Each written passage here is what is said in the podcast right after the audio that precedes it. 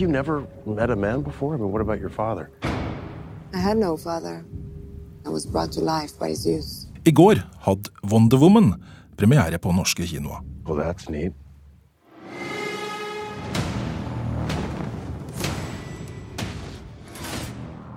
Etter verdenspremieren i Shanghai den 15. mai har filmen gått sin seiersgang verden rundt.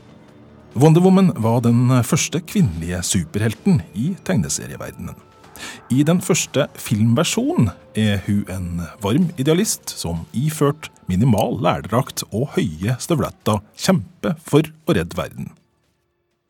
Men er Wonder Woman ennå et eksempel på et kvinnelig sexobjekt i en hovedrolle på kino? Eller representerer superheltinnen noe nytt? I Kurer i dag dypdykker vi blant superkvinna, superkvinner, roboter og science fiction-heltinner.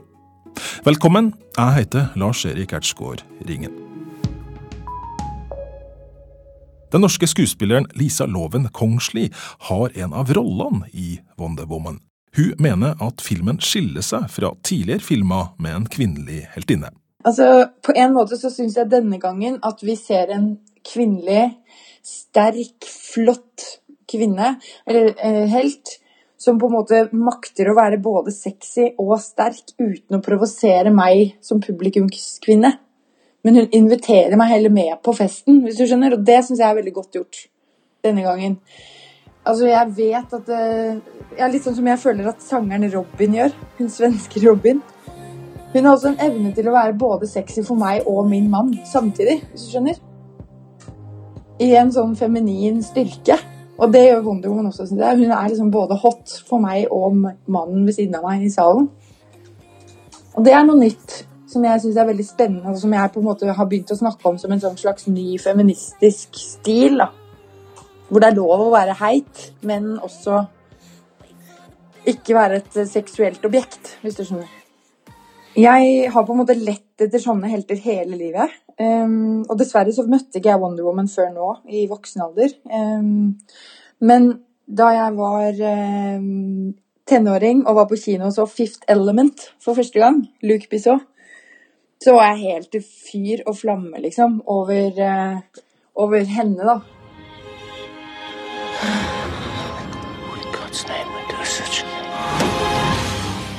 The Fifth Element er en science fiction-film der en av hovedrollene spilles av Mila Jovovic. Det var hun som gestaltet den rollen da, i 1997. Og altså, vi var, vi var en gjeng som så den på kino, og det var faktisk en kompis av meg som gikk rett inn igjen og så den på nytt. back to back på, en gang til. På grunn av henne, den kvinnelige karakteren, altså? Ja, jeg tror det var mye på grunn av det. Og da hadde vi på en måte det var liksom, Jeg føler at det var en av de første gangene jeg så en film som da hadde en kvinnelig hovedrolle som både var kul for menn og kvinner. På en måte En sånn kjønnsnøytral, men kvinne. Og ikke usexy og veldig flott allikevel, da. Og det har jeg på en måte Sånne damer har jeg samlet på i filmhistorien opp gjennom tidene. Jeg syns Michelle Pfeiffer var på en måte, ikke sant? Hun er jo Catwoman i 1992. Tim Burton. Eh, men hun på en måte blir jo på en måte litt mer sånn derre sexdoll, da. På en måte. Selv om jeg syns hun var flott da også, men hun ble på en måte, hun var liksom skapt litt mer synes jeg, mot det mannlige publikummet. Lara Croft er jo en annen heltinne, på en måte, som, som også på en måte prøvde, tror jeg, å være kul for begge kjønn. Men, men som kanskje tok litt, litt, litt mye forover eh, Litt mye utstyr foran, som ble litt distraherende. Lara Croft er hovedfiguren i dataspillet Tomb Raider, og det finnes to filmer som delvis bygger på handlingen i spillet. I filmene er Angelina Jolie Lara Croft, men nå er altså en ny Tomb Raider-film under produksjon, og den er regissert av Roar Uthaug. I Wonder Woman, som altså hadde premiere i går, spiller Lisa Loven Kongsli Wonder Womans tante, en person som står for rettferdighet, og som i filmen megler mellom eh, heltinnens mor og andre tante. Hun er jo løytnanten av den amazonske hæren og en fierce warrior, liksom. og veldig, veldig sterk og bra på å slåss. Jeg ble jo veldig sterk, og jo mer sterk man ble, jo flinkere man ble til å slåss med sverd og slå skjold og gjøre stuntøvelser og ri, ikke minst i full galopp med sverd, og klare å gjøre ting samtidig som man rir. Jeg har jo et eh, stunt som jeg gjør selv i filmen med spyd, da. Hvor jeg spidder en soldat og slenger han bakover på hesteryggen i full galopp. Og det, det klarte jeg jo etter en fire måneders trening. Det er jo veldig gøy. Tidigare kvinnliga superhjältar de brukar ha väldigt lite kläder och vara sexiga. Vad tycker du om hur kvinnorna skildras i den här filmen? Vi er også liksom på en måte ganske nakne og avkledd. Men i og med at vi er så sterke og har en sån styrke eller sterk holdning som ikke går på å vekke en eller annen sexuell appetitt hos menn, så, så syns jeg på en måte ikke at det Vi kommuniserer mer at dette er praktisk når man skal slåss og sparke og sverdføre og ri og hoppe av hesten og snurre rundt og kaste seg ned fra en klippe med spyd, hvis du skjønner. At man ikke blir for svettig helt enkelt. Ja, det er veldig varmt der hvor vi bor. Men eh, så, så, hvis du skjønner, så de har jo på en måte Det er jo pieces of art. Disse kostymene er jo lagd av skinnmestere, og det er jo kunst, syns jeg, da. Vi følte oss jo fine og flotte og sexy for oss, men også for hverandre og oss selv. Og ikke, ikke sant? Det er viktig for meg å sette fingeren på det, for det syns jeg på en måte er en del av denne frigjøringsprosessen vår. Da, at vi må få lov til å Hvis noen har lyst til å gå rundt og være sexy, så er det helt greit. Det trenger ikke å bli linket opp mot menn og sex. Ok, Skal vi bare spille det klippet først, eller? Ja. I like your hat. Maybe I'll keep it. Sara Orning er postdoktor på Institutt for tverrfaglige kulturstudier ved NTNU.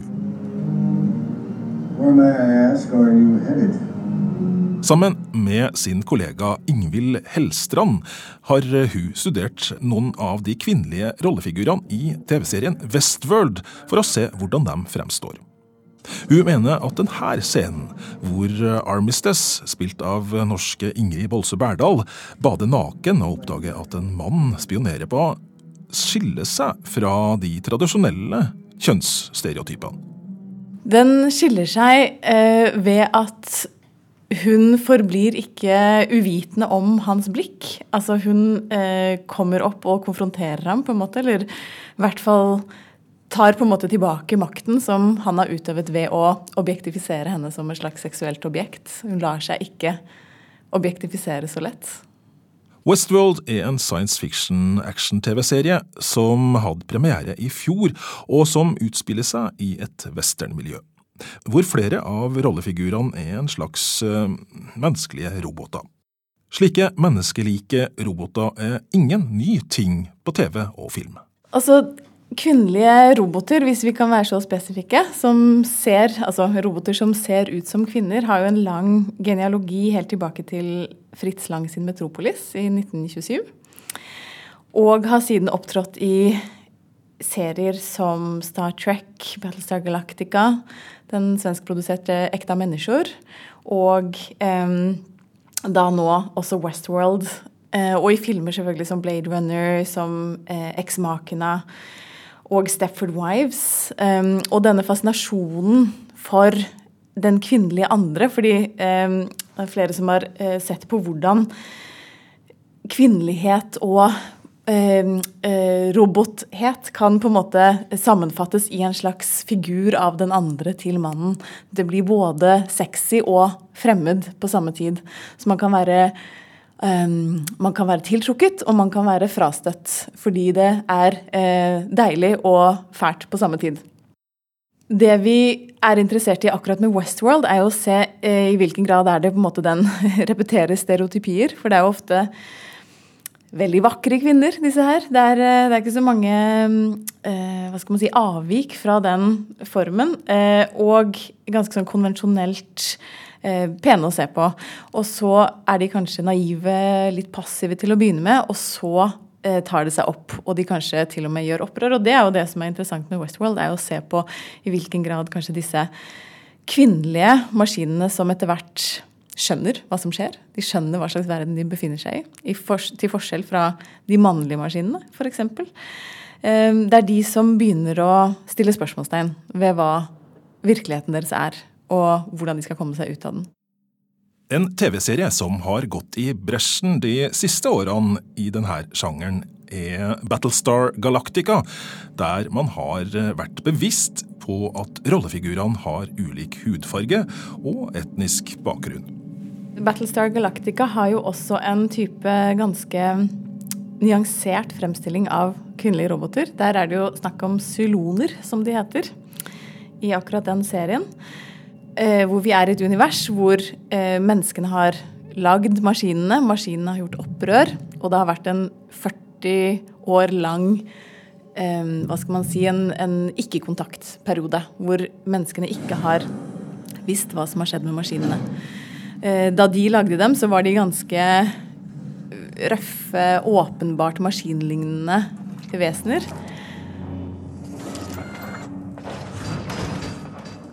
Og så åpner da Battlestar Galactica-serien med at eh, en representant for menneskene kommer som vanlig hvert år til denne romstasjonen hvor man skal ha diplomatiske forbindelser. Roboten har ikke dukket opp på 40 år.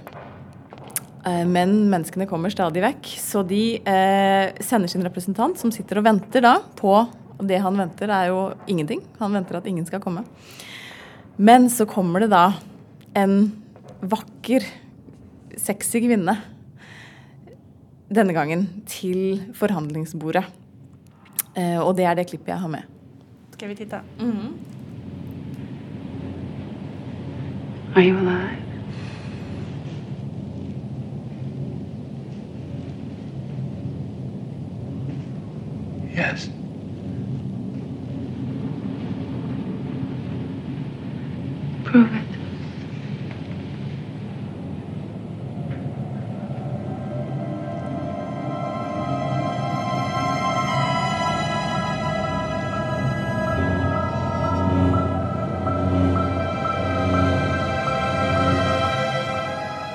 Dette eksemplifiserer jo veldig godt den dobbeltheten som finnes ofte i portretteringen av kvinnelige roboter, med dette veldig potensialet for å være sexy og være voldelig. Ikke sant? Mens hun kysser mannen, som den menneskelige mannen, så fyrer det svære romskipet over en, av en missil som sprenger hele romstasjonen. Og det er jo nettopp den på en måte appellen til disse robotkvinnene er ligger jo ofte i, i deres veldig tiltrekkenhet, samtidig som de er veldig farlige. Det er jo den berømte teorien til Laura Mulvey om the male gaze, om at eh, kvinnen på skjermen er designet for å være en slags showstopper. Hun er en, eh, et um, spectacle i seg selv. Hun skal ikke egentlig drive narrativet forover, hun skal ikke egentlig være en kompleks karakter. Hun skal på en måte være et sted hvor det mannlige blikket kan hvile. Og stakkars mennene også blir da ofte hva skal man si, puttet i en posisjon hvor de deres blikk gjør det, dem også veldig passive, fordi de ikke får egentlig kanskje den kreden de burde få eh, i å motstå disse vidunderlig vakre kvinnene. Altså, er det virkelig alltid sånn at, at menn blir helt fjetret av skjønnhet og ikke greier å passe på sin egen overlevelse? Det kan vi jo spørre om. En tidlig kvinnelig science fiction-figur er Ellen Ripley i Alien fra 1979. Skaperne av Alien-filmene har holdt fast i det å ha en kvinnelig helt, helt fram til den foreløpig siste filmen, Alien Covenant, som går på kino akkurat nå. Ripley, som jo ikke er robot, hun er jo menneskelig. Hun, øh, hun sto for noe litt annet, og hun brøt nok ned mange grenser. Men jeg syns vi har sett litt få kanskje etterkommere som har turt å gå i samme spor, eller filmskapere som har turt å skape karakterer som går i samme spor. For selv disse kvinnelige science fiction-karakterene i f.eks. Marvel-universet er jo veldig ofte veldig konvensjonelt eh, vakre og spiller mye på det. Mens eh, Ripley spilte jo på andre ting. Hun spilte på sin eh, dyktighet og sin på en måte kroppslige hva skal man si, kroppslige ferdigheter. Det gjør de jo alle, men på en litt mindre stereotyp måte, kanskje. Er det ikke litt gammeldags at de kvinnelige heltene må være så sterke og voldsomme for at de skal oppnå samme status som de mannlige? Jeg tenker jo at spillerommet for den kvinnelige actionfiguren, enten hun er robot eller menneske, utvides jo med karakterer sånn som Ripley og også sånn som Armistice. Og i og for seg også sånn som Dolores og Mave, hvis de greier å bryte ut av disse litt mer stereotypiske rollene sine. Og det tenker jeg er noe som fortsatt er vanskelig å balansere for filmskaperne som lager kvinnelige helter. fordi i hvilken grad kan de la disse karakterene være sårbare, være svake? Og fortsatt opprettholde interessen i dem som helter. Fordi de eh, mannlige actionheltene har jo Det kommer litt an på hvem man ser på, da. Men de har jo ofte et ganske hardt eksteriør og interiør, de også. Eh, det er ikke fryktelig mye gråting i Jason Bourne-serien.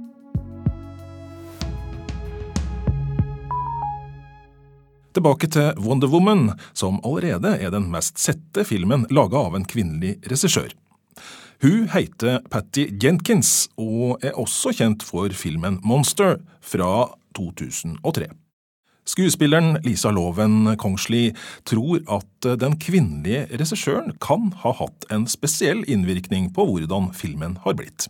Jeg tror ikke at det er sånn at det er umulig for en mann å regissere Wonder Woman like bra som Patty, men jeg tror bare at ved at Patty på en måte skjønner litt hva kvinner har kjempet for gjennom tidene, så evner hun kanskje i små øyeblikk å vise det. da, Litt mer implisitt, litt mer under huden. Har du noen eksempel? Ja, altså jeg har fått, Det er ett eksempel, men det er jo litt sånn uh, Hva heter det? Spoiler alert. men det er jo ikke noe big deal. Men uh, det er jo f.eks. at Wonder Woman Hun har jo aldri sett en baby før, for det er ikke noen babyer på Themyscira der hvor hun kommer fra. Så når hun kommer til London med captain Stephen Trevor og ser en baby, så blir hun helt sånn Oh, a baby! Og det er jo en slags humor i det. Som jeg ser er veldig godt regissert av Patty, da, og godt observert. Og som er på en måte et lite stikk til oss kvinner at vi er liksom Det er en del av vår natur. En selvfølgelighet, på en måte. Men som blir veldig fint portrettert her, da, fordi det ikke gjøres der hvor vi kommer fra, hvor det er litt mer mytisk, og vi er 10 000 år gamle. det er et lite sånn, syns jeg, en liten sånn eh, replikk. Um, som jeg føler at på en måte Patty bringer veldig inn i denne filmen. Og som jeg på en måte føler at hun på en måte begynte å jobbe med allerede i Monster. For jeg føler også at karakteren i Monster også er en slags antihelt. Superstygg og helt forferdelig, liksom. Og trist og tragisk. Hvis du forstår hva jeg mener. Så det er på en måte Altså, ja. Men vi kunne jo selvfølgelig hatt enda mer av det i filmen. Vet, altså, det var jo, når Wonder Woman ble skapt, så var det jo en veldig big eh, Altså stor eh, sak omkring liksom, kvinner og kvinners rettigheter og Det kunne jo helt klart vært flettet mer av det inn i filmen, og hatt mer politikk på en måte på vegne av kvinner der. Så jeg har jo håp om at det kan være litt mer med neste gang, da, hvis vi skal lage for Wonder Woman 2, f.eks. Wonder Woman dukka opp for første gang som tegneseriefigur i slutten av 1941, og fikk sitt eget blad året etter. Skaperne bak Wonder Woman var tidlige feminister som lot henne bli en superhelt med myke krefter.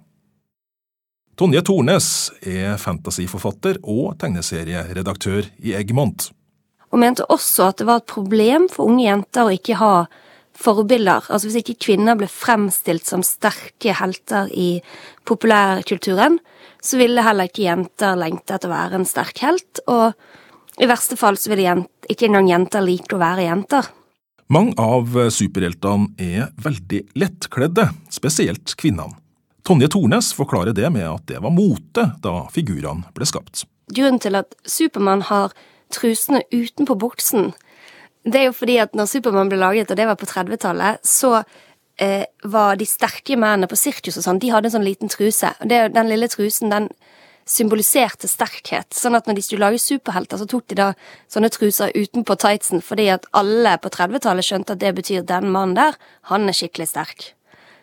Og når det gjelder eh, kvinnelige helter, så var jo også sånn pinup-looken det, det, var en slags eh, Jeg skal ikke si at det var en gjennomtenkt greie, men det var en tanke bak at det utstrålte styrke å være lettkledd. Tro det eller ei.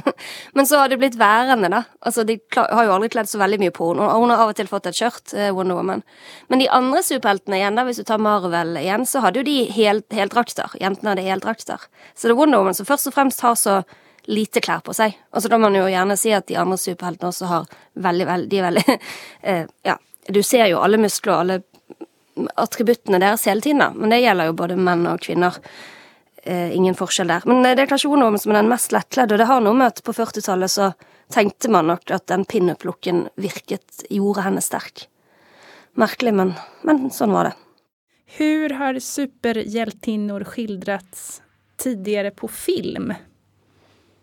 Det har jo vært nesten litt tragikomisk når Altså, det er jo eh, to svar på det spørsmålet, for det ene er jo at de har jo vært i, eh, i team i film X-Men, for eksempel, der er jo det mange kvinner med i filmen, og mange menn. Og der er jo de både interessante og kule og har sin egen bakgrunnshistorie og narrativiteter. Men når det kom til Elektra-filmen og Catwoman-filmen, når en kvinne skulle bære filmen, da, så ble det så tåpelig. Altså, Catwoman-filmen kan man egentlig si at handlet om rynker og skjønnhet. Og Elektra-filmen, da var hun bare en kvinne som lengtet etter å få et barn og full av morslengsel og full av lengsel generelt. Hun var ikke noen sånn kickass ninja som man hadde trodd hun skulle være. da. Så det ble mye Enten, enten handlet det om å være ung for alltid, eller så handlet det om ekstremt mye følelser. Så det var skuffende, syns jeg.